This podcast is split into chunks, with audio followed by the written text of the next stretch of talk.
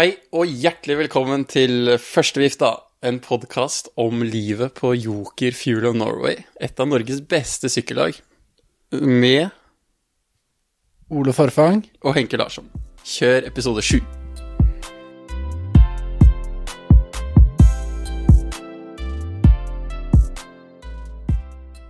Jeg har igjen tatt turen til Skøyen. I dag har jeg faktisk sjekka ut Norsk Romsenter. Det var en opplevelse. Det var en opplevelse. Jeg ble litt skuffa. Det var bare en svær bygning. Ikke noe kveling av kyr som foregikk akkurat i dag, i hvert fall. Men eh, Nei, det er påskeferie, vet du. ja, de, de er på tur, de, kanskje. Ja, kanskje. Ja. Nei, men um, vi hadde en liten eh, restøkt inn og ut av Sørkedalen. Ja, det var fint, det. Med påfølgende kaffe, wrap og bollestopp på brødbakerne rett her nede. Ja, Helt nydelig. Ja, det var lekkert. Hva er det du har drevet med siden sist? Det blir litt eh, det samme som eh, du svarte i siste episode, tror jeg. Ikke en dritt. Nei. Jeg har sykla litt, da. Ja, du har- trent litt. Du har trent bra, det har jeg sett. Ja, jeg har trent, det har jeg. Men uh, jeg trener ikke så mange timer i døgnet. Det er noen, det er noen timer igjen å slå i hjel. Det er det. Så nei, nå har jeg jo vært i ganske ryddig form.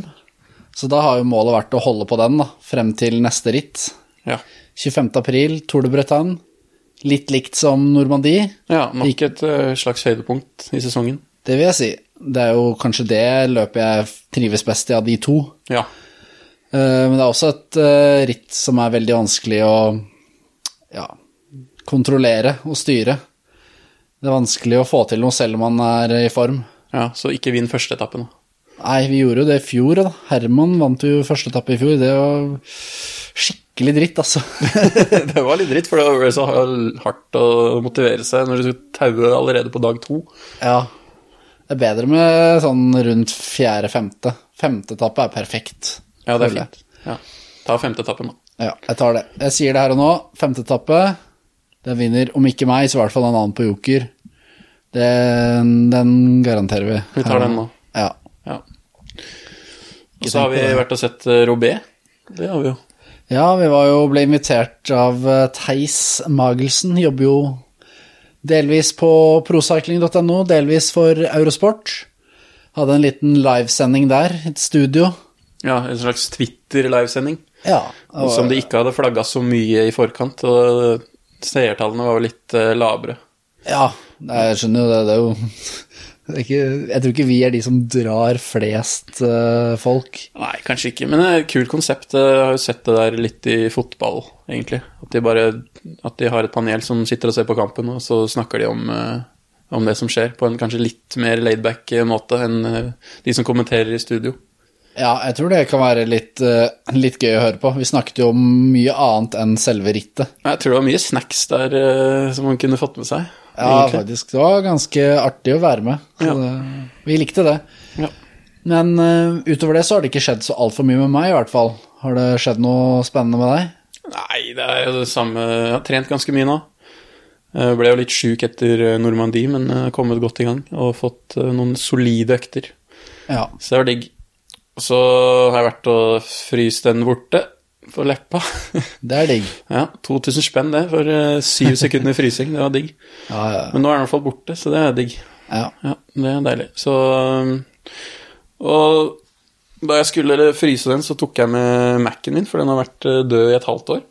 ja. Skjermen ble svart. Den lagde lyd og lyste, lyste men eh, skjermen var svart. Det er irriterende. Eh, og dette er så flaut, vet du, men da jeg kom inn i den der eh, Inn på eplehuset der, så sa jeg at denne har vært død i et halvt år.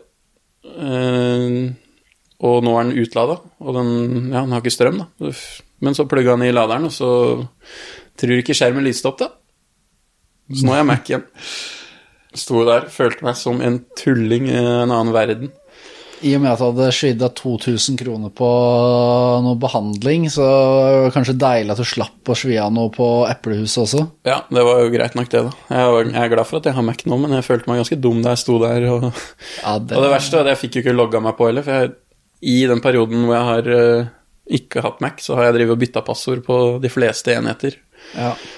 Og jeg huska ikke passordet, det så ut som jeg hadde stjålet den. Ja, ja, de satt sikkert og tenkte hva er det her for noe type, da? Herregud. Men nå er Mac-en oppe og nikker, og livet smiler. Og ja, som sagt, fått trent eh, bra. Det er jo nydelig vær om dagen, så det er jo bare å komme seg ut og dunke. Ja, det er jo ordentlig fint påskevær. Jeg regner med det er ganske ålreit å være på fjellet òg nå. Ja, jeg ser noen bilder, da. Det, det ser lekkert ut. Ja. Vi holdt oss nede i lavlandet, vi, da. Men uh, Oslo er fint i påsken, det òg. Ja, det er kanskje det kjipeste, noe av det kjipeste med å være syklist, er uh, påsken, syns jeg. Fordi det er liksom så viktig tid for oss. Starten av sesongen, og vi kan liksom ikke bare ta en uke fri på påskefjellet. Nei, jeg kan ikke det, dessverre. Selv om det frister aldri så mye. Ja. Det eneste vi skulle vært eh, proffer, vet du. Sykla Robé, og så bare smekka rett til påskefjellet på ferie. Det Ja. kunne gått. Det hadde vært helt nydelig. Ja, det er bare å ta kontakt. Jeg har sagt det før. Det er bare, hvis det er noen folk som hører på, som har noen kontakter i noe profflag, bare Ja, vi er klar for påskeferie. slå på, slå på tråden. Vi er klar for påskeferie. Ja. Det, nei, men eh, hva, hva mer skal vi snakke om da? Er det noe Det er ikke noe mer som har skjedd, egentlig, Nei, lite som skjer, eh, som er verdt å nevne. altså. Nei. Vi har jo fått noen spørsmål. Skal vi ta det? Vi kan ta noen spørsmål. Det renner jo inn her. Det er jo nydelig. Um, Vi kan ta det fra Cycling News N. det kan vi gjøre.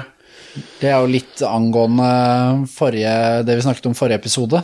Ja. Uh, Cycling News understrek N, han uh, eller hun, spør uh, om jeg kan snakke litt om mine to tidligere lagkamerater, Fabio Jacobsen og Alex Peters. Ja. Fabio Jacobsen, den eh, tror jeg de fleste tar. Ja. Men Alex Peters, kanskje ikke. Nei, vi kan ta Jacobsen først, da, og spørre litt om jeg kan fortelle om han, og eh, hvordan han trente, eh, og hvordan han var som person. Og jeg kan bare si, han er en eh, kjempetrivelig fyr. Veldig grei, veldig nedpå, egentlig, eh, og kul. Eh, og hvordan han, han trener eh, bra. Han er faktisk eh, veldig Da jeg var på lag med han, så var han veldig sånn seriøs og veldig nøye på alt, egentlig. Um, og det regner jeg med han er fortsatt, for han har tatt noen steg siden 2017. Ja, Ja, det må vi kunne si. ja. Uh, men veldig grei fyr, og jeg unner han virkelig suksessen han har. Så det er kult. Definitivt. Alex Peters, han Jeg var lagkamerat med han i kanskje en måned eller to. Fordi han kom til Segg fra Sky. Hadde ikke fått det helt til der, tror jeg. Ja, han hadde jo vært i Segg i 2015, i hvert fall. Ja, og så ble han sendt ut til Sky. Og så gikk ikke det så bra, og så kom han tilbake. Og jeg var på én samling med han, men da Han var sinnssykt god. Ja. Husker vi hadde 20 minutts test opp en bakke, og ja, altså vi Jeg hadde i hvert fall to minutter igjen til toppen, tenker jeg. Da jeg var ferdig med testen min etter 20 minutter. Og Ja. de beste hadde kanskje ett minutt igjen til toppen. ja. Alex Peters passerte toppen på 1740. Bare begynte å fortsette draget nedover, da, eller? Ja, han måtte jo det. Eh, Men han hadde jo Han kom dit på en alu-sykkel, gammel sykkel, med noe gamle, gammel SRAM-gruppe. Eh, Hadde ikke wattmåler, så det var egentlig ikke noe vits at han kjørte den testen. Han bare gønna, fordi han digga det, tror jeg. Ja. Så nei, det var nivå på han, altså. Eh, Det skal sies at han eh, slet litt, det fikk jeg vite etterpå, da. Han hadde slitt litt uh, mentalt. Jeg lurer på om ikke det var en slags bipolar lidelse han hadde. Så han Ja. hadde hatt noen uh, sånne Det har jeg hørt òg. Han godeste Will Barta, som jeg bodde med i NIS, han bodde jo i samme hus. Sånn, eh, det var delt i to, da, øverste og første og andre etasje. Og da bodde Da bodde Alex Peters og, og Wayne Dole, tror jeg. mm. Det var i den ene etasjen, og Adrian Costa og Will Barta i den andre etasjen. Og de eh, sa at det var litt eh, greier der. Ja. Jeg tror han var litt ute og kjørte, altså jeg merka det litt på samlinga. Da visste jeg jo ikke noe om det her, da, men han eh, Jeg ble ikke så veldig godt kjent med han egentlig, men eh, vi satt på middagen, og så var det noen malerier på veggen, og plutselig på dag åtte, liksom, så bare oppdaga han de maleriene, da, og var helt oppslukt. Og det var en sitron midt på bildet, og han bare Han syntes den var så nydelig, da. Det var helt merkelig. Han hadde klart ikke å tenke på noe annet under den middagen, tror jeg. Ja. Og så hørte jeg han et, rett etterpå, så han var igjen i Hellas, da, hvor vi hadde den samlinga. Eh, sammen med Fabio, faktisk. Eh, de var igjen i et hus der eh, og trente, og da hadde han fått et sånt utbrudd eller sammenbrudd eller et eller annet. Jeg vet ikke. Og så hørte vi ikke noe mer fra han. Nei. Så det er synd, da. Et vanvittig talent og veldig grei fyr, så det er ikke alle som har det like enkelt. Nei, det er det ikke. Tror jeg vi kan si ganske, ganske greit, da. Jeg vet ikke hva han driver med nå, men jeg tipper han ikke sykler så mye. Nei, det må i så fall bare være på trening. Ja. Ja, vi har noen flere spørsmål. Ja, skal vi ta Erik Slettebakk, da? Ja, Ja, skal vi ta det på dialekt. Ja, dere kan gjerne gå igjen sykkelen dokka med hva utstyr dere har på den. Bra og mindre bra utstyr. Da kan vi jo, vi har også fått spørsmålet favoritt-tech, altså favorittutstyr på sykkelen. Der kan jeg si at jeg har ikke noe favorittutstyr. Vi bruker det vi får fra laget. Ja, det er jo litt sånn og... når vi sykler for et lag, så du har ikke så mye valgmuligheter, da. Og da tenker jeg at kanskje den beste, må eh, beste måten å takle det på, er bare å ikke det vil ikke, Jeg vil ikke kalle det ikke bry seg, men å bare liksom ikke tenke så mye på hva som kunne vært på den sykkelen. da. Siden jeg var junior, så har jeg jo ikke bestemt eh, hva jeg skulle ha på sykkelen selv. Nei, ikke sant? Og det begynner å bli noen år siden. Det blir vel sjette året nå. Mm. Og da Du glemmer det nesten litt, det der med ja, sånn weight weenies hvor du skal spare noen gram her og der og sånn. Bare, du bare bruker den sykkelen du har. Ja. Og så hvis det er noe veldig viktig, at du må ha brede dekk fordi det er noen ritt, eller hvilket dekktrykk du skal ha, det kan vi være litt nøye på. ja, det kan vi ta litt uh, seriøst, ja. Men sånn derre, altså Selv sånn styreteip og sånn, jeg bruker bare den som er på. Ja, Jeg bruker den lenge også. Lenge jeg bruker den til det ikke går mer. Jeg hadde jo prosjekt i vinter, så Ja. fikk jeg jo ja, jeg hadde- Brukte treningssykkelen, den var altså så slitt og jævlig, den der styreteipen begynte å revne og falle av. Det så ikke bra ut. Eh, Det gjorde det ikke, det er jeg helt enig i, men, men jeg bare fortsatte å bruke den. Jeg skulle ikke bytte styreteip før jeg fikk ny sykkel. Og det gikk fint. Ja. Jeg fikk trent på den nå. Så nøye på sånt er vi ikke. Vaske sykkelen, ja.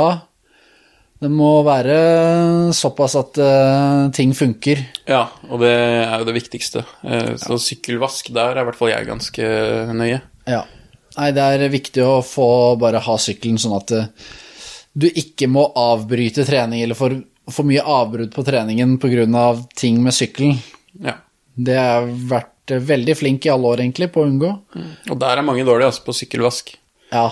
Det hjelper ikke å tørke ramma med en våtserviett, liksom. Det funker ikke. Nei, nei, nei. nei, det viktigste er jo egentlig sånn Det er greit at uh, ramma ser fin ut, men det er jo drivverket som er det viktigste her. Ja. Bremser og drivverk og alt det der. Hjul, felgring og sånne ting. Veldig viktig å være nøye på. Jeg har forresten sett på en del sykler på Finn i det siste. Um, ikke fordi jeg skal ha sykkel, men det er noen andre som skal det. Og det slår meg hvor skittent drivverk, mye skittent drivverk som ligger ute på Finn. Og det, det gjør vondt å se på, altså. Ja, det... Og da tenker jeg bare at uh, Hver gang jeg har solgt sykkel på Finn, så har jeg altså, satt på nytt drivverk. Ikke bare har jeg vasket det, jeg har satt på splitter nytt kjede og alt. Det skal jo være såpass, tenker jeg, når det selges. Ja. Hvis jeg, hvis jeg skulle kjøpt en sykkel på Finn, så hadde jeg kvia meg for å kjøpe noe som så så ille ut, for da tenker jeg bare at uh, her er det noen som ikke har tatt vare på sykkelen sin. Ja. Jeg er helt enig, det må i så fall være noen som bare trener fryktelig lite på den sykkelen. Ja. Og da ikke har hatt noe særlig interesse, har ikke funka så bra. Da kanskje, men uh... Så er det jo digg å sette seg på en ren sykkel hver morgen, da. ja, også veldig bra tips. Det er å kjøpe fra områder du vet at det er litt eh, Altså litt kapital, da, blant uh, eierne. Jeg kjøpte en uh, wattmåler en gang fra en kar i Bærum, og jeg var jo litt tenkt sånn Det jeg tenkte da jeg så den wattmåleren og så hvor det var, tenkte jeg han her har sikkert mye penger, han, han skal sikkert bare kvitte seg med å skaffe en ny en. Tror du ikke han står med han Cervelo P5 og S4 og alle mulige Cervelo-greier? Og så sa han da at Ja, hvorfor skal du, spurte jeg, hvorfor skal du selge den sykkelen her, eller den wattmåleren her? Nei, jeg har fått meg en ny sykkel, da, og det er BB30-dimensjon på kranken, så da gadd jeg ikke å finne sånn der um, adapter. Så jeg bare selger den her og kjøper en splitter ny en som er eh, laget for BB30. Ja, Så du fikk bryta litt, da? Ja, eller den, den var veldig god pris, da. Du merker at han ville bare bli kvitt den gamle. Ja. Og den var ikke brukt så mye, så den brukte jeg i mange år. Det er en kjempefin, eh, kjempefin vattmåler. Ikke noe problem med den, den tror jeg ikke var mye brukt i det hele tatt. Ja, Det er litt tips, altså Hvis det er en person som eh, virker som man bare kan bare kvitte seg med det når som helst, uten å tenke så mye på pengene, da er det lettere å få god pris på på, på diverse utstyr og sykler, altså. Det er det. ja. Men uh, sykkelen vår, da. Det er en eh, Gavia Imperiale. SR1. Ja. Ramme, altså. um, veldig stiv og grei sykkel, egentlig. Mm, veldig bra på det meste av det vi sykler på. Ikke altfor comfy på brostein og sånt. Nei. Men det kan litt bredere dekk bøte veldig godt på. Vi sykla jo blant annet Robro Leon, da kjørte vi med 28 dekk. Det var helt fint, helt strøkent. Det var ikke noe problem. Nei, så veldig grei ramme. Jeg liker at den bare er sånn Det er rett fram. Eh, enkle vinkler, ikke noe hokus pokus. Ikke noe bremser under eh, kranken og styr og stell. Så Det er veldig gledelig.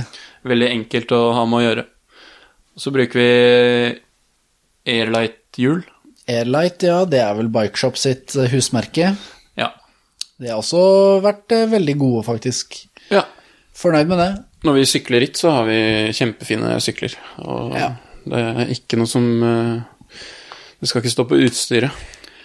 På komponenter så bruker vi Deda, styre og stem, og San Marco sete. Når vi snakker om styre, så er det selvfølgelig bare én ting som gjelder. Korrekt. Det er Deda Shallow. Ja. Classic bend. Classic bend. Alt annet er feil. Det er feil, ja. Hvis du ikke har classic bend, så er det feil. Det er feil. Det, er, altså, det går an. Det er, det er fysisk mulig å ha det det på en sykkel, men det er feil. Ja. Du kan ikke ha noe annet enn classic band. Nei. Det Jeg har aldri hørt et godt argument. Det er bare sånn Nei, jeg syns det er bedre. Nei, det er ikke bedre. Det er bare Du har ikke venta til classic band ennå. Nei. Det burde egentlig vært påbudt, det. På Ja, jeg sykler. mener jo nesten det. Altså, det er jo snakk om sånn derre ah, du kan ikke, Det er visse sånne regler, du kan ikke ha det og det og det. Sånn, du må ha hvite sokker, ha drit i hvite sokker. Kjør svarte sokker og classic bend. Ja. Classic bend, det trumfer det aller, aller meste. Ja, absolutt. Det er det eneste som er verre enn det, er jo å ha stem som peker oppover. Da må du få større ramme og kortere stem eventuelt. Det er mye bedre enn å ha stem som peker oppover. Ja. Gir Shimano Durace D2. Ja. Det er ikke så mye å si om det. Top of the top notch eh, Ja. stuff. Det er Ser jo på sånne Sånne forum en del at folk snakker opp uh, Shram og sånn. Jeg skjønner Campagnolo, så skjønner jeg det, det er litt kult. Ja. Men Shram Altså, så mye jalla eh, historier jeg har hørt om eh, det. Ikke for å fyre mot Shram, men jo, jeg skal fyre litt. Jeg, bodde jo med Will Barta, han hadde den E-tappen. Jeg hadde aldri problemer med Dayton. Hele tiden var det problemer.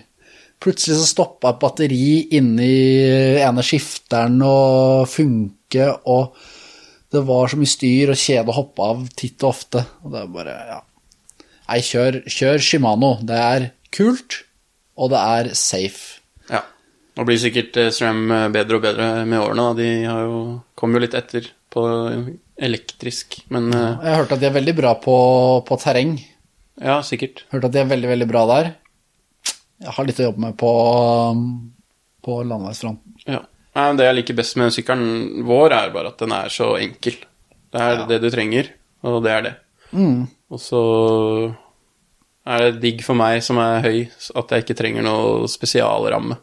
Ja, det er uh, helt Det skal nydelig. sies at det faktisk har, eh, for å være helt sikker, fordi eh, setepinnen Jeg måtte ha den litt over limit, så har vi sendt den til en sånn karbondoktor som har forlenga den litt, bare for å forsterke. Men eh, ellers så kjører jeg på en helt vanlig standardramme, Ja. og det er veldig deilig. Det er digg, ja. Ja. Kan ikke klage på det. Nei. Um, vi kan også Han Erik Slettebakk har spurt litt om hvilke, test, hvilke type tester tar dere i løpet av en sesong, og hvor ofte? Ja, vi har jo testa litt eh, opp igjennom. Eh, Da jeg gikk på NTG, så hadde vi en sånn wattsykkel. Vi kjørte tester. FTP-test og maks. Ja, Det vi har kjørt mest av, er jo laktatprofil og O2, Ja. og noen 30 minutter-tester, da. FTP-test. Ja. Vi kjørte en helt standard eh, FTP-test 20 eller 30 minutter hjemme på rulla gjennom vinteren tidligere. Men i år så har vi, både du og jeg, satt ned foten, og vi har fått eh, testforbud eh, gjennom hos eh, coach Reidar BB. Ja. Test. Testnekt. Testnekt. Nekter. Det nekter å kjøre test. Ja. Personlig så mener jeg man får ingenting ut av det.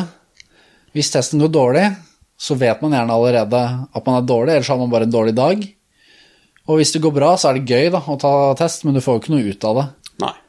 Hvis man har en wattmåler, så følger man jo med på hva slags watt man kjører på trening, på intervaller og diverse, i forhold til hvordan man føler seg.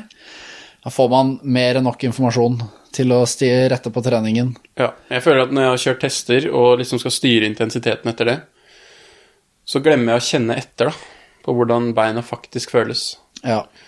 Og det, det svinger jo ganske mye. ja. Kjør på følelse, så se litt på vatten bare for å ha oversikt over hva du ligger på. Ja, Det er eh, egentlig den beste måten å kjøre med watt, syns jeg. Da. ja det syns jeg òg.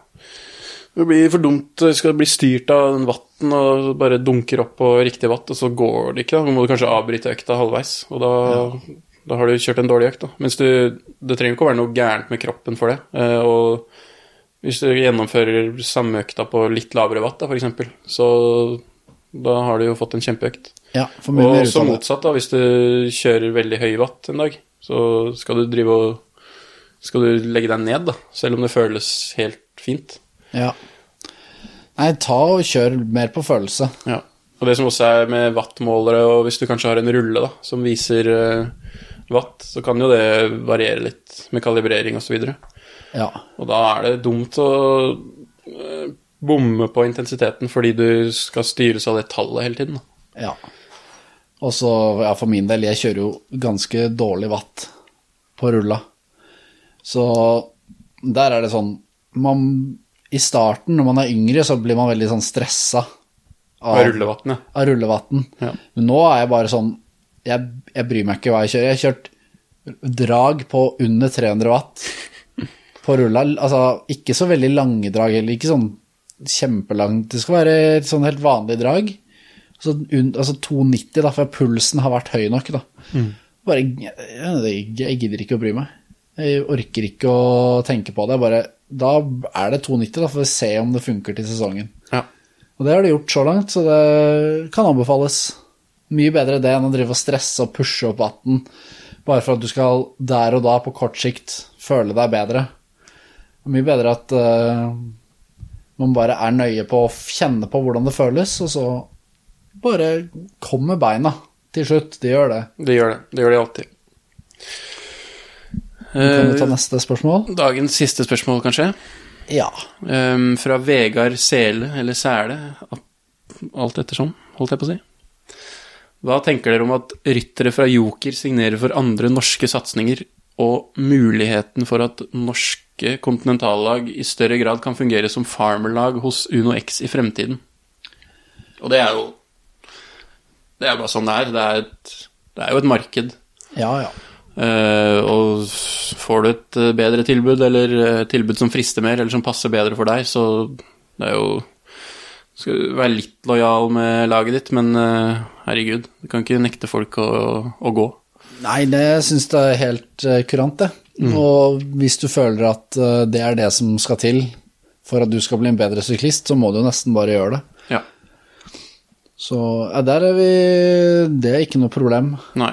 Og si at Uno X eh, får til denne satsingen sin eh, på lang sikt, og blir et solid prokontilag, eller enda høyere, så blir jo det naturlig at, eh, Joker og Coop som er nå, da. Som at de blir en ja, slags eh, Ikke farmerlag direkte, kanskje, men det blir jo naturlig at eh, ryttere som hevder seg der, kommer eh, opp på Uno X. Ja. Nei, Jeg er helt enig. Det er jo det som sannsynligvis kommer til å bli greia. Det er det som har vært poenget, at det skal være et steg mellom Conti og World Tour. da. Ja. Så det er jo egentlig det, akkurat det som de, har, de sier at de har tenkt at det skal bli. Så da satser vi på at det er det det blir. ja. Eh, del to på det spørsmålet der er jo dere nevner ofte at Joker har en del tunge ryttere som går bra på flatene og i harde løp. Er dette en bevisst satsing fra laget sin side? I så fall er dette fordi majoriteten av rittene på kontinivå er forholdsvis flate, eller er dette fordi laget velger bort ritt med mange høydemeter pga. ryttertypene? Og det første vi kan si der, er vel det at jeg tror hovedgrunnen til at Joker har hatt mange, la oss kalle dem tyngre ryttere, større ryttere, er fordi de beste rytterne i Norge som har kommet opp, har vært den ryttertypen.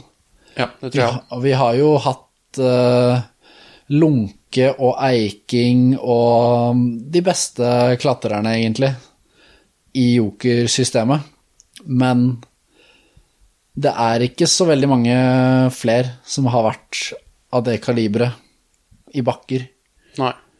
Carl Fredrik Hagen, da. Carl Fredrik Hagen har vi også hatt. Mm, Men han, jo, han kjører jo superbra i rittene som vi kjører i Frankrike og, Ja, og ja. Belgia også. Så det er Nei, liksom ikke Ja.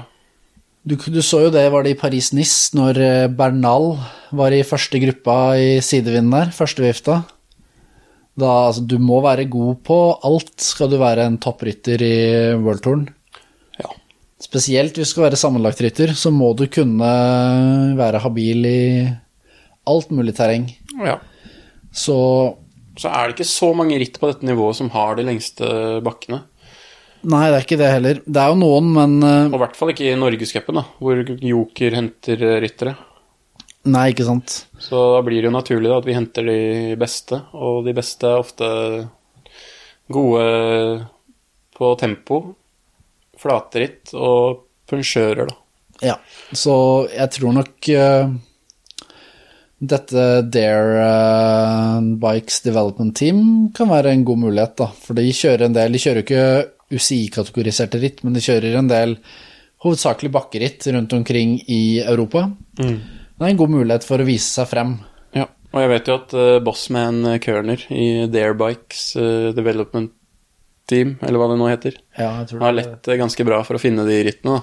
Ja, Så det er ikke bare sånn eh, Ja, det er Det skal godt gjøres å bare å, å spikre en sånn kalender, da, med ritt som passer klatrerne eh, hånd, som hånd i hanske. ja, det er sant, det. Så Nei, det er nok eh, Det er nok bare noe som har kommet litt av seg selv. Nå har jo Gino er jo fra Belgia. Det har jo litt påvirkning der òg, hvor man kjører løpene, men eh, Ja, så lenge han har vært i Joker, så har det vel ikke vært noe tvil om at det er belgiske sesongen som har eh, ja. vært prioritet, da. Franske og belgiske. Vi har jo kjørt Alsace også, det er jo bakker. Ja. Men eh, det holder ikke med ett ritt i året Nei. med bakker. Så jeg tenker litt sånn, hvis du er et eh, ungt klatretalent, da, eller virkelig har lyst til å bli god på det, så må du oppsøke sånne typer ritt. Ja. Eh, og da må du kanskje gjøre det, gjøre det på egen hånd, da. ja. Dra ned til Sech eller et eller annet uh, europeisk kontilag. Ja. Det var jo litt derfor jeg dro til Belgia i 2016 òg. Fordi uh, hadde jeg sittet her hjemme og ventet på den norske sesongen, så hadde jeg garantert ikke fått vist meg fram på samme måte. Nei, nei, nei. Eh, Det er en ganske kul historie, egentlig. Jeg var på møte med min daværende trener, Kai Leksberg. Ja. Uh, Det var kanskje i november eller i oktober, eh, vinteren før. Og så sa vi, ble vi enige om at vi hadde lyst til å fortsette samarbeidet og prøve. Og så sa han ok, da har jeg en plan klar. Du skal toppe formen til mars og dra til Belgia. Og så la vi en plan for å få til det. Da var jeg en måned i Kalpe eh, i januar eh, og trente så hardt jeg aldri har trent før. Eh, og alt gikk på skinner, og det var helt nydelig. Dro hjem til Norge i februar og tuna formen, egentlig. Kjørte harde intervaller på rulla. Og dro ned til Belgia i mars og var egentlig nesten i mitt livsform. form. I hvert fall fram til da. Eh, og målet med det var å én få kontrakt med et lag. Eh, to kjøre VM i Qatar. Og så hadde jeg jo litt eh, flaks med Segg, da, at de trengte en rytter akkurat da. For det var en amerikaner som hadde lagt opp fordi han var syk. Ja. Um, og jeg fikk plass der, og fikk jo kjøre en, Jeg fikk en kjempesesong med masse bra ritt, uh, som jeg utvikla meg masse på. Og så fikk jeg kjøre VM i Qatar, da. Så det funka. Men uh, moralen er bare Noen ganger så må man ta den sjansen, da. Ja. Og prøve og gjøre det, finne sin egen vei, da. Og hvis du er et klatretalent, så nytter det ikke å sitte her oppe i Norge og klage over at uh, norgescupen er flat. Nei. Du må faktisk eh, oppsøke de bakkene.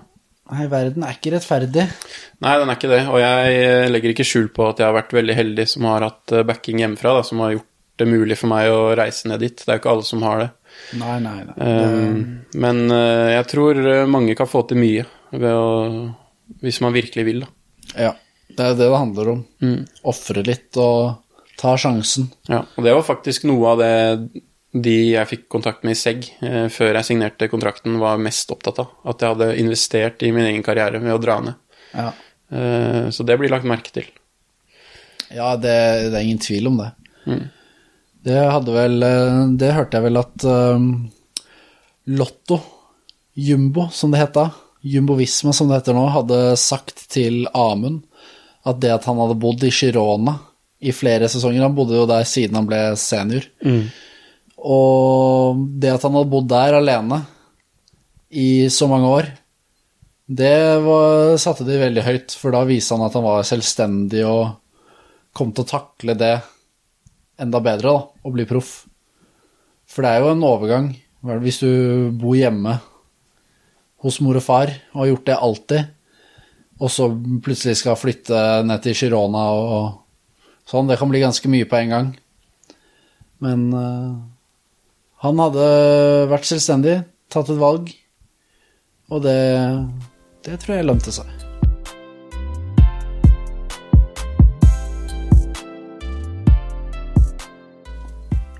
Jeg har lyst til å ta opp en ting, jeg, Ole. Ja, det skal du få lov til. Hva er det det handler om? Ja, det var eh, etter Flandern rundt, så Jeg så den tweeten rett etter eh, at jeg dro herfra forrige gang. Så vi fikk ikke tatt det da. Ja. Men det var eh, Magnus Drivenes som eh, linka til en eh, TV 2-sak hvor overskriften var at uh, Betty Joll, som vant Flandern rundt, uh, var for feit før, da. Den saken, ja. ja. Den har jeg Hvor hele, Fått med meg. Ja, hvor hele artikkelen handla om at han hadde tatt grep, og nå var tynn nok til å vinne ritt, da. Ja, ja, det er jo flott at de tar opp uh, ting som kan uh, Hva skal man si? Jeg vet ikke. Jeg vet ikke. Nei, jeg kjenner jeg blir skikkelig, skikkelig, skikkelig forbanna. Dette har jeg sittet og fyrt meg opp jeg har kjørt eh, mine langturer på Hadeland. Ja, Um, for det første, media må slutte å trykke sånne saker. ja. Det starter der. Jeg så, jeg prata, jeg sykla en tur med Magnus Drivenes senest i går, og jeg prata kort om eh, de greiene her med ham. Og han hadde jo fått et svar på den tweeten sin fra en i TV 2, Ok. husker ikke hvem. Og det var eh, noe sånt som Ja, det er synd at ikke mediene har noe som uh, har en egen La oss kalle det en plakat, Ja. som kan styre hva de kan og ikke kan si. ja. Kanskje hvis du kalte den Vær varsom-plakaten eller noe sånt? Ja, det var noe sånt det sto. Og da tenker jeg sånn Hvis det ikke er et snev av selvkritikk engang i, eh, på det der, da Det sier så mye om holdningene der, da. Ja. Altså, det er noe greit nok, altså Folk kan gjøre feil og gjøre litt sånn, ta på seg litt ut og gjøre litt dumme ting, men da bør du legge deg flat etterpå, i hvert fall. Når du legger ut en sånn artikkel, som for øvrig er helt totalt idiotisk å legge ut. Ingenting grunn for å legge ut de greiene der. Bare dritt. Møkkartikkel. Jeg har ikke gått inn og lest den selv. I protest nekter å gjøre det. Bare så linken. Fått fortalt hva som står i artikkelen. Nei, altså Ja, Vær varsom-plakaten, bla, bla, bla, greit. Teknisk sett så kan du ikke ta deg på det, men jeg syns mediene er ganske knallharde på f.eks. Skiforbundet, da, for astmamedisinbruken deres, som for øvrig er helt lovlig per definisjon. De kan ikke tas på det. Men det er kanskje litt shady å bruke masse astmamedisin på utøvere som kanskje ikke trenger det. Mm. Lov, ja. Eh, Men er litt på kanten? Definitivt. Det samme føler jeg det er her. Altså hvis, hvis, ikke, hvis det er sånn at du kan bare utnytte deg av alle gråsoner og smutthull og slippe unna med det bare fordi at det teknisk sett er innafor, så blir det veldig vanskelig å kritisere folk for noe. Da. Det er alltid noen smutthull du kan komme deg unna med. Og altså, når det har vært det, når det har vært så mye snakk om at man skal være forsiktig med hva man sier til eh, til uh, unge, da, som gjerne leser den unge og lovende syklister, og egentlig generelt, da, om vekt og sånne ting, at det er et problem. At man ikke skjønner at det der ikke går an å legge ut. Det er helt utrolig. Ja, det er helt krise. Altså, det er jo der problemet er. Når jeg på min egen Instagram-konto har strengere filter på hva jeg legger ut enn TV 2 har på de største sakene sine, da er det noe som er feil. Ja. For jeg skal jo egentlig kunne legge ut hva jeg vil på den Instagrammen, så lenge det er innenfor Instagrams retningslinjer. Teknisk sett så er jo det en slags Vær varsom-plakat. Du skal ikke gjøre ditt og datt som går utenfor retningslinjene.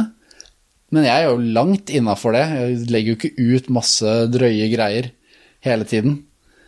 Bare fordi at jeg kan. Men Hva tror du en ung syklist tenker når han leser den artikkelen her, da? At uh, Joll har bare gått ned noen kilo, og så vinner han uh, Flandern?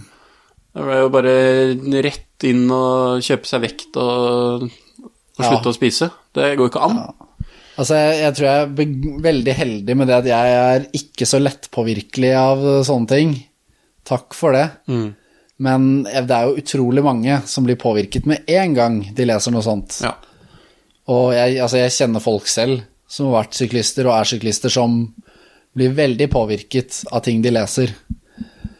Og Nei, det er ikke bra, rett og slett. Det er bare si Bare ha fokus på et eller annet annet.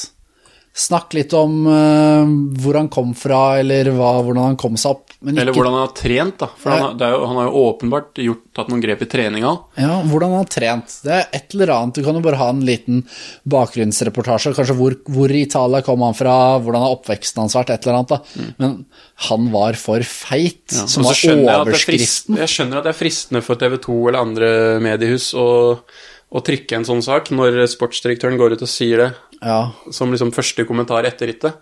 ja. Men det er saker og ting som man bare ikke skal eh, poste ja. eller eh, publisere. Ja, og så er det litt sånn sånn derre Ja, sportsdirektøren sa ditt og datt. Altså, hvis du har vært nede i Belgia og områdene der det, det er en annen kultur, altså. Ja. Helt annen kultur for sånne ting. Det er eh, der vi, snakker, vi snakker vel om det forrige podkast, kanskje. Altså det er sånn Der er det typ Hvis du sykler på noen type lag, så er det sånn hvis du spiser noe litt eh, Noe litt eh, fet mat eller noe sånt, så blir du sett stygt på. I Norge så er det ikke sånn i det hele tatt. Nei. Det, det er veldig stor forskjell at, at han sier det. Hvis du går på han derre Brian Holm sin Instagram, det er jo helt drøyt, noe av de greiene han skriver. Ja. Ikke sant? Det er en helt annen kultur. Og jeg syns ikke den delen av sykkelkulturen er noe vi skal prøve å strekke oss etter.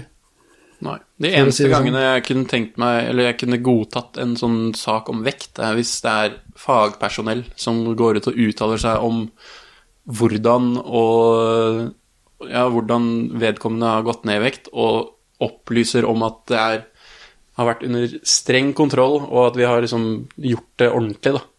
Fordi det er jo ikke noe tvil om at vekt er et viktig tema i sykling. Men det blir så enkelt når du bare sier at han var for feit, nå har han blitt tynnere. Ja. Og nå sykler han fort. For det er ikke sånn det fungerer. De er, jo World. Tour-ryttere de har jo all mulig medisinsk personell personell som sørger for at Ernæringsfysiologer og kokker og alt mulig greier. ja. Det er ikke bare at han har bare tatt seg en ferie og slutta å spise i to uker, og så er han eh, match ready. Nei, nei, nei. Det er jo det er så langt unna det òg. Det er Så det er- nøye kalkulert, de greiene der. Der mener jeg Joker, nei, ikke Joker, men TV 2 må ta seg en bolle. bolle. Og En, både en fiktiv og en eh, par-tre par-tre ekte kanelboller. Det Ja. gjelder alle syklister i Norge. Ta deg en kanelbolle. Vi har gjort det i dag på Kaffestoppen. Det syns jeg alle andre skal gjøre også. Mye bedre. det stopper ikke der, for jeg mener også at vi ryttere har et ansvar. Er helt Jeg enig. husker for noen år siden i Tour de France så la Froome ut et bilde av eh, frokosten sin på en hviledag. Og det var eh, Det var noe avokado, var avokado, og et egg eller et eller annet egg sånn. og noe laks. Og det er sånn Hva tror du unge ryttere gjør da? De trener seg i hjel, og så spiser de egg avokado og laks. Ja. Og det går ikke. Nei, det er bekmørkt. Ja. Og også sånn tull og tulling på sosiale medier. Sånn der, legge ut bilde av en melon og skrive 'sommerkroppen' eller eh, Ja. Eller 'nå har jeg sykla sju timer og blir digg med et eple nå', liksom. Drit i det. Der føler jeg ryttere har et veldig stort ansvar for å la være å gjøre sånne ting. Jeg er helt enig. Jeg anbefaler også, hvis man har lyst til å se på noe hvordan vektfokus kan påvirke unge ryttere, så har GCN, Global Cycling Network, på YouTube en video med Hva er det han heter, da? Han amerikaneren. eh, Ben King. Mm. Ja. ja. Og det er veldig interessant. Det er videointervju med, med ham, hvor han snakker om han slet veldig med spiseforstyrrelser i ung alder. Det var vel allerede i junioralder. Og ja, da får du litt inntrykk av hvordan det kan være, da. Hvis man får det fokuset inn veldig tidlig. At man må være tynn, tynn, tynn hele tiden. ja. Og nei, det er helt krise. Det er ikke bra i det hele tatt. Nei, jeg kjenner det, er, eh, det der treffer meg, og jeg blir ordentlig irritert. Ja. Og jeg syns uh, det er mange som må gå og skjerpe seg her. Ja, skam dere TV 2. Ingen problem å si det. Sier jeg 100 dager i uka. Skam dere, ta dere sammen, og så ta selvkritikk. Ja. Vær så snill. ja. Det ser så mye bedre ut på alle måter hvis dere tar selvkritikk. ja. Og bare dere hadde, kunne, dere hadde ikke trengt de klikkene der. Nei.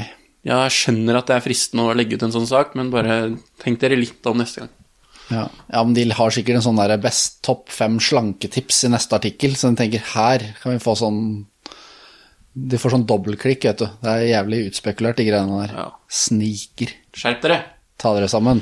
Ja, Men eh, nok om eh, det, og over til noe litt eh, hyggeligere. Vi må runde av på en hyggelig måte her. Ja. Ja. Hyggelig og morsom måte. Ja. Nå har vi fått tips til ukas favoritt. Vår kjære spalte. Jeg husker ikke Vi har ikke fått sendt inn en eneste jingle, forresten. Jo, det har vi, faktisk. Jonas Boje Hansen. Rå fyr, legende, bor i Tyskland. Freiburg im Breisgau. Han har sendt inn forslag. Jeg vet ikke om vi kan spille av den sangen, dessverre. Men jeg kan gå bare kjapt på Spotify og finne den sangen. Ehm, det er en nederlandsk artist som heter Schnollebolkes. Hører jo at det er en legende med en gang. Dette er bra. Jeg kan anbefale sangen Links Rechts med nesten 9 millioner eh, avspillinger på Spotify. Utrolig fet låt. Den har florert litt eh, på Facebook, har jeg sett. Video fra en konsert i Nederland, hvor da links og rechts, det er da høyre og venstre på, på nederlandsk. Og da, når han eh, starter refrenget, da, roper links, så bare hopper alle i publikum mot venstre. Og så roper han høyre, eller hopper alle mot høyre. Så er det bare sinnssyk stemning, skikkelig sånn syre imellom, som typisk nederlendere elsker. Helt nydelig, helt konge. Links rechts av. Snolle, S-N-O-L-L-E, B-O-L-L-E-K-E-S. Kultur. Kultur, hør på, dette er nydelige saker. Men Kanskje vi får, vi får redigere den inn til en liten jingle, da. ja, jeg kan eh, prøve å lage en eh, jingle etterpå. Ja, det fikser vi. Ja. Men ja, ukas favoritt. Ja, Det er altså Felix Reinemo som har sendt inn et forslag. Ja. Takk for det. Ukas favoritt er altså ukas favorittrytter. både gjennom tidene og nåværende. Skal vi starte med nåværende? Uh, ja, det er greit for meg. Ja. Ja. Jeg vet ikke. Nei, jeg vet ikke. jeg Fryktelig selv. vanskelig. Jeg uh, sliter veldig med egentlig begge, for det er jo så mange, er så mange rytter å velge mellom. Men no, ti, altså, favorittrytter som sykler nå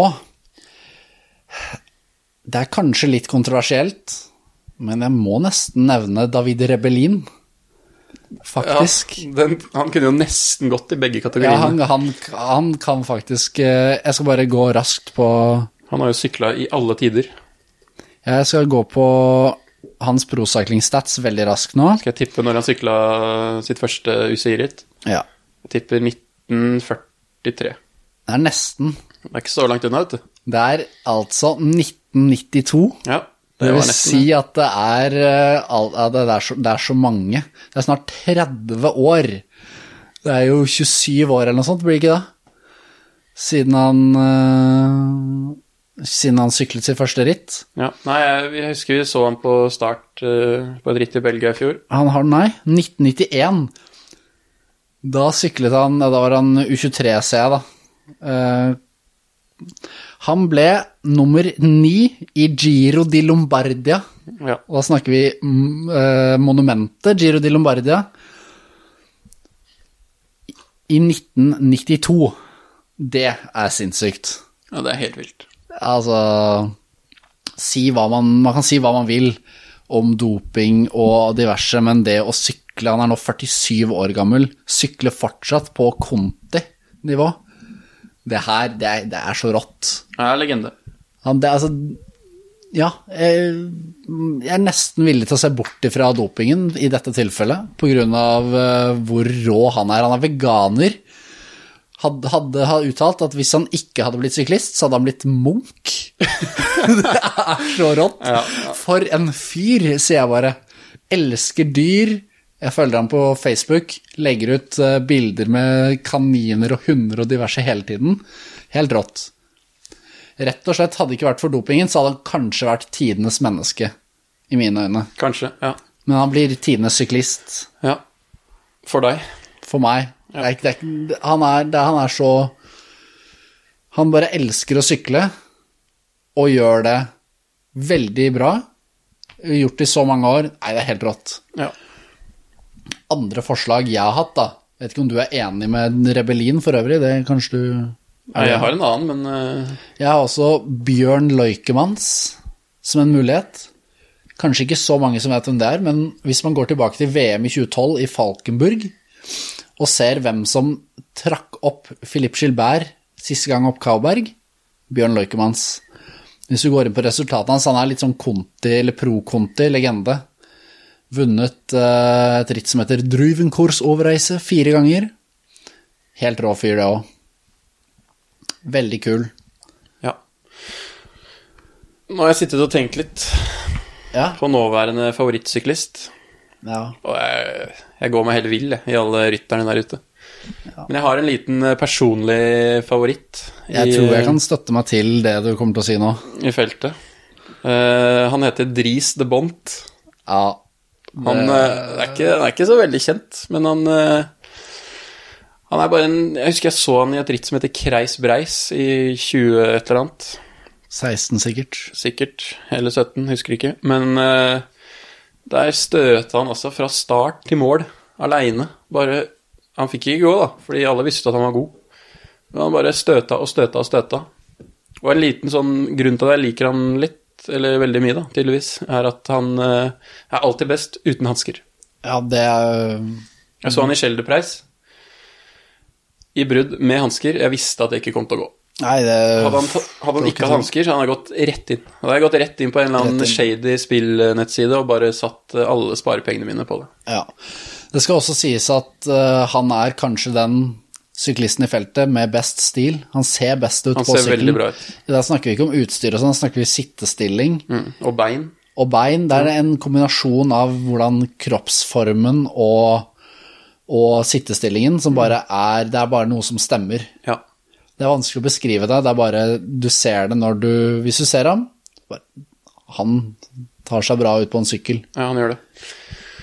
Um, så det var det. Eh, hva med gjennom tidene, da? Ja, altså Nå har vi jo nevnt Rebellin og Løykemans. Rebellin sykler jo nå, men er en litt gjennom tidene-type. Løykemans har lagt opp, dessverre. Men det er jo en nordmann, da. Bor her i Oslo, på Carl Berner. Ja, dette er min favoritt, det da kan ikke du ta. Ja, jeg tror vi kan være enige egentlig om han her. Ja, ok. Han er jo en av eh, Ja, han er jo min favorittsyklist gjennom tidene, og kanskje en av mine favorittfyrer eh, til den dag i dag. og mange år framover. Kan støtte meg til det, altså. Ja, og et kallenavn vi har på han, er eh, som han kanskje ikke vet om selv. Det er altså Emilio Maximiliano Emilio der Gråte Boholm von Køhler. Ja. Ja. Nydelig fyr. Var jo, sitter jo som en gud på sykkelen ja. når han tøkker i blod-PC-posisjon der. Ja, Ingen er lavere. Ingen er lavere, ingen er sterkere. For en trøkker. Har fått seg noen trøkker gjennom tidene i noen diverse ritt og noe greier, han. Han har vært gjennom det meste, Ja. i både i Norge og utlandet. ja. Har jo syklet på diverse lag også. Både på lag med meg. Jeg har ikke vært på lag med deg, vel? Nei. Men øh, du har jo bodd med han i Belgia. Ja. Det var en Flott. glede. Flott fyr. Ja. Og når du får med deg det her, Max, så Vi venter stadig på at du skal komme som gjest på podden.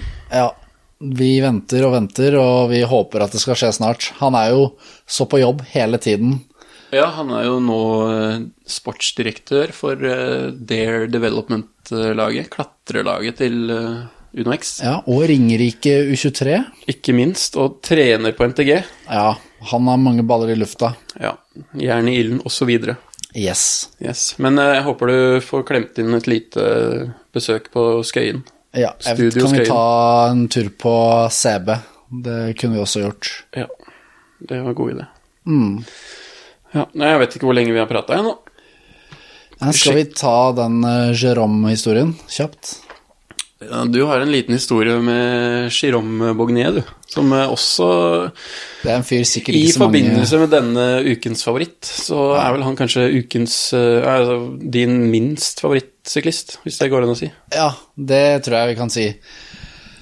Ja, jeg fikk jo et, eh, om ikke gledelig, så i hvert fall et gjensyn med denne fyren Det var hyggelig, tenker jeg. i Volta Limburg. Snakket ikke med ham. Nei, Skulte litt mot ham i feltet noen ganger. Knuste ham selvfølgelig til slutt. deilig. Deilig. Ingen tvil hvem som tok den der, da. Men øhm, jo, vi, vi var jo Egentlig så har jeg aldri hatt noe spesielt problem med ham. Men det var i fjor høst, så var han i litt eh, grinete humør, da, generelt. Og det lot seg øhm, Hva skal jeg si? Det smittet over på når han syklet ritt også. Og jeg fikk smake på det en del. Det gjorde du. Det var ikke veldig gøy å følge Jeg måtte jo følge ham, han var jo sterk rytter, vi kjørte proffkermes og sånne ting. Måtte jo følge ham noen ganger, så noen ganger støtte jeg selv. Han var altså så sinnssykt forbanna hver gang jeg gikk med. Jeg gikk jo med rundt og kjørte som bare det.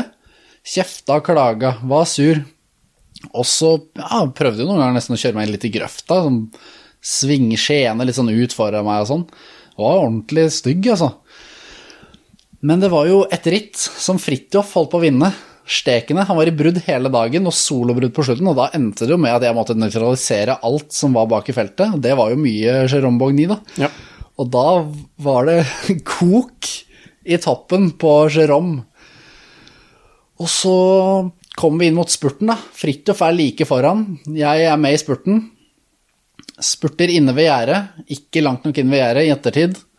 For der kommer det en eller annen nisse, ikke Jérôme Bogny, men en eller annen annen eh, kontirytter eller et eller annet, som svinger inn på inneren av meg, hekter i styret mitt. Vi går så sinnssykt hardt i bakken. Jeg tror jeg var i 60 km i timen i det, i det Ja, jeg gikk omtrent fra 60 til 0 på computeren. Ganske seig velt, for å si det sånn. Godt skrapa opp. Ja, det så ikke bra ut. Og så ligger jeg der, da, venter bare på at Litt som i Rådås, bare ta meg litt tid, vente på at folk skal passere og sånne ting. Reiser meg opp, setter meg på sykkelen, triller over mål. Og der står Jérôme Bogny med dama. Med dama si, eller et eller annet sånt. Og han, rett og slett Han roper til meg 'fy faen, så jævlig glad jeg er for at du tryna', sier han til meg. Jeg, altså, jeg jo, hadde jo vondt, og jeg bare eh, gidder ikke å bry meg så veldig. Og så sykler jeg bort til bilen, da parkeringen, og der kom jo du inn i denne historien, for du hadde vel stått av det rittet her? Jeg hadde stått av, og da du kom i mål, så var jo du i fyr og flamme. Eh, du skulle ja, Du hadde jo slått deg ganske bra, men eh, jeg tror, du hadde, jeg tror du glemte det litt, fordi du skulle ta en eh, Bogny ganske knallhardt. Ja, jeg sykla jo bort til bilen og liksom skifta litt og styra og sånne ting. Og så ser vi jo at Jérôme Bogny er parkert rett ved oss. Så vi er jo bare noen ja, 20 meter unna hverandre, da. Så da tar jeg turen bort, jeg, for å spørre hva det er han driver med. Og jeg syns kanskje du skal ta, for du sto jo rett ved siden av meg. Du ja, jo, dette, dette, måtte jeg få med meg, og bare, være litt sånn bodyguard-backup også ja. for deg. Fordi dette kunne bli stygt, da, potensielt. Ja, jeg hadde jo ikke noen planer om å være voldelig, men jeg vet aldri med sånne belgisere hva de kan finne på. Nei, nei, så jeg var klar til å steppe inn, jeg. Men du sykler da bort til han, øh, roper etter han, og han skjønner jo med en gang hvem som kommer, da. Fordi, ja, han vet jo hva han har gjort. Ja. Og snur seg, han også, hisser seg opp ganske kjapt. Ja. du gikk fra 60 til 0, han gikk fra 0 til 100 på ett sekund der. Um, og det var ikke måte på hva han skulle gjøre med både deg og deler av din familie. Skal, vi, skal, vi, gjenfortelle noen av kommentarene? Jeg tror ikke vi skal det. Vi skal skåne, skåne alle for det, men uh... Skåne min nære familie for mye. Men jeg kan ta én kommentar som var direkte mot meg, da. Ja. Og det var jo en fin en som jeg aldri har hørt før. Altså, han, han, sa jo da på litt dårlig engelsk 'Jeg håper du tryner oftere, så du kan få uh, fiksa på det stygge trynet ditt'.